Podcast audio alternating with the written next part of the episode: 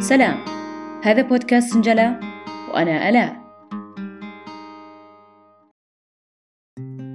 في أحد الأيام حصلت على توصية لمشاهدة فيلم وثائقي في Netflix يتكلم عن صديقين وصلوا لنقطة قرروا فيها تغيير أسلوب حياتهم إلى ال minimalism ويكونوا فيها minimalist. minimalism ترجمت في الفيلم والمصادر العربية إلى الزهد وأنا شخصيا مو راضية عن هذه الترجمة وراح أستبدلها بالتخفف لأن الزهد والمينيماليزم مختلفين في المقاصد رغم تشابههم.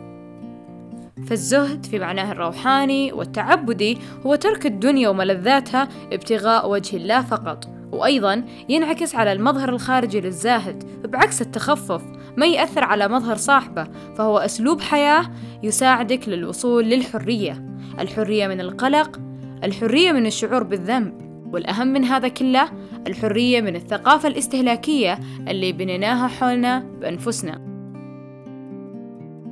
ومو مشكلتنا بامتلاك الملابس والأجهزة والسيارات لكن المشكلة اليوم بإعطاء معنى بشكل مبالغ فيه لهذه الممتلكات على حساب صحتنا وعلاقاتنا. وأحيانا كثيرة على حساب شغفنا وأحلامنا.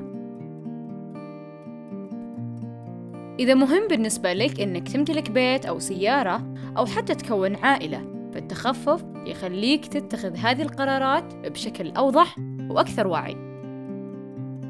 وعشان نلخص كل اللي قلته بجملة واحدة التخفف هو وسيلة خلصك من تراكمات الممتلكات والرغبات عشان تركز على ما هو فعلا مهم. وبالتالي تجد السعادة والاكتفاء والحرية. ومين منا ما يبغى يحقق هذه الأشياء؟ ومن خلال قراءتي الكتاب 16 قاعدة للعيش بالقليل بقلم رايان اللي يتكلم فيه عن خلاصة تجربتهم. هو صديق جوش مع التخفف استوعبت إنه أي شيء نملكه لابد إنه يندرج تحت ثلاثة كوم لا رابع لها. كومة الضروريات ويتوقع أنها تكون مجموعة قليلة ضرورية من ممتلكاتنا لا تستمر حياتنا لو فقدناها ويتفق جميع البشر في الحاجة لها كطعام يشبعنا وسقف يأوينا وثياب تدفئنا. وفي هذا العصر المثالي اللي نعيش فيه أغلب ممتلكاتنا تندرج تحت كومة الكماليات. وذكر رايان إنه ما يحتاج الكنبة في الصالة ولا رف كتب معلق ولا حتى لطاولة طعام في بيته. لكن ختم وقال إن هذه الممتلكات ممكن تحسن من حياتنا وتضيف لنا قيمة بطريقة أو بأخرى. كأنه يقول خلونا نصارح أنفسنا إنها مش حاجة ويمكن إن نستغني عنها بس حنا اللي وضعنا لها قيمة وجعلناها ضرورية. الكومة الثالثة والأخيرة وهي المهملات. هي الممتلكات المخزنة بالمستودعات على أمل استخدامها في يوم من الأيام أو التحف والكتب المركونة على الرفوف اللي لا تحرك إلا إذا مسحنا الغبار عنها. واللي نتظاهر أن امتلاكها شيء لطيف وبالواقع هو مجرد شيء أخذ حيز بالغرفة ومصدر للفوضى بدون إضافة أي قيمة حقيقية. وعشان ما أكون من الأشخاص اللي يعرضون المشاكل بدون حلول لها أرفقت رابط كتاب 16 قاعدة للعيش بالقليل في الوصف للي حابين يغيرون أسلوب حياتهم ويتخلصون من التعلق بالممتلكات. طيب لو فكرنا إيش هو السبب وراء إدماننا وصرف أموالنا وحشو بيوتنا على أشياء ما تضيف أي قيمة لنا ولحياتنا. نجد أن سعي الشركات لتحقيق الأرباح هو السبب الرئيسي وراء ذلك. وللأسف اليوم نعيش في أكثر عصر يقدم فيه إعلانات المنتجات الاستهلاكية في تاريخ العالم. والشركات ما راح تنفق مبالغ كبيرة على إعلانات وهي لا تعيد لهم الأرباح. وضرر هذه الإعلانات بإقناعنا أن النجاح والإنجاز مرتبط بعدد ما نملك.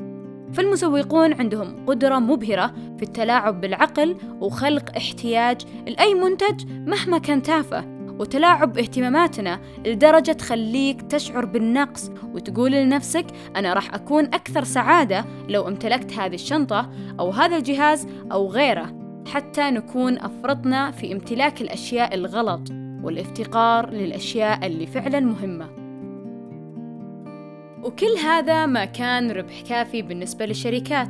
فانتقلوا مع الوقت من الدعايات التلفزيونية والإذاعية إلى الدعايات الرقمية اللي 70% منها تمتلكها ثلاث شركات فقط وهي جوجل، أمازون ونتفليكس. والنتيجة دعاية ذكية تنبؤية تعرف بالضبط متى تظهر لك في الوقت المناسب ولهدف واحد فقط وهو جعلك تشتري المزيد.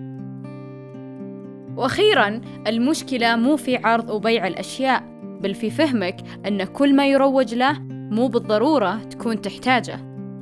وعشان نقف بكل جدية لإنهاء هذا الهوس والاكتناز القهري للماديات الغير عقلاني لازم نسأل أنفسنا عند كل مرة ننوي شراء شيء. هل فعلا أحتاجه؟ أو إني أرغب وأشتهي الحصول عليه فقط لمجرد امتلاكه.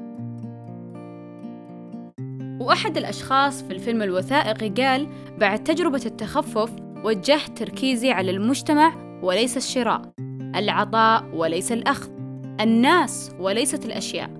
واتفقوا جميع الأشخاص في الفيلم أن تجربة التخفف ساعدتهم بإفساح مجال لأمور أهم في الحياة. والتخفف ساعد راين وجوش تحديداً بعيش اللحظة تجربة الحرية الحقيقية وجعلتهم منتجين أكثر مستهلكين أقل وقدرتهم على حفاظ على وقتهم بشكل أكبر. والأهم من هذا كله اكتشاف المغزى والهدف من حياتهم. وكل هذا بدأ بسؤال واحد. كيف لحياتي أن تصبح أفضل بوجود أقل؟ كتابة محتوى وتقديم ألاء عبد العزيز.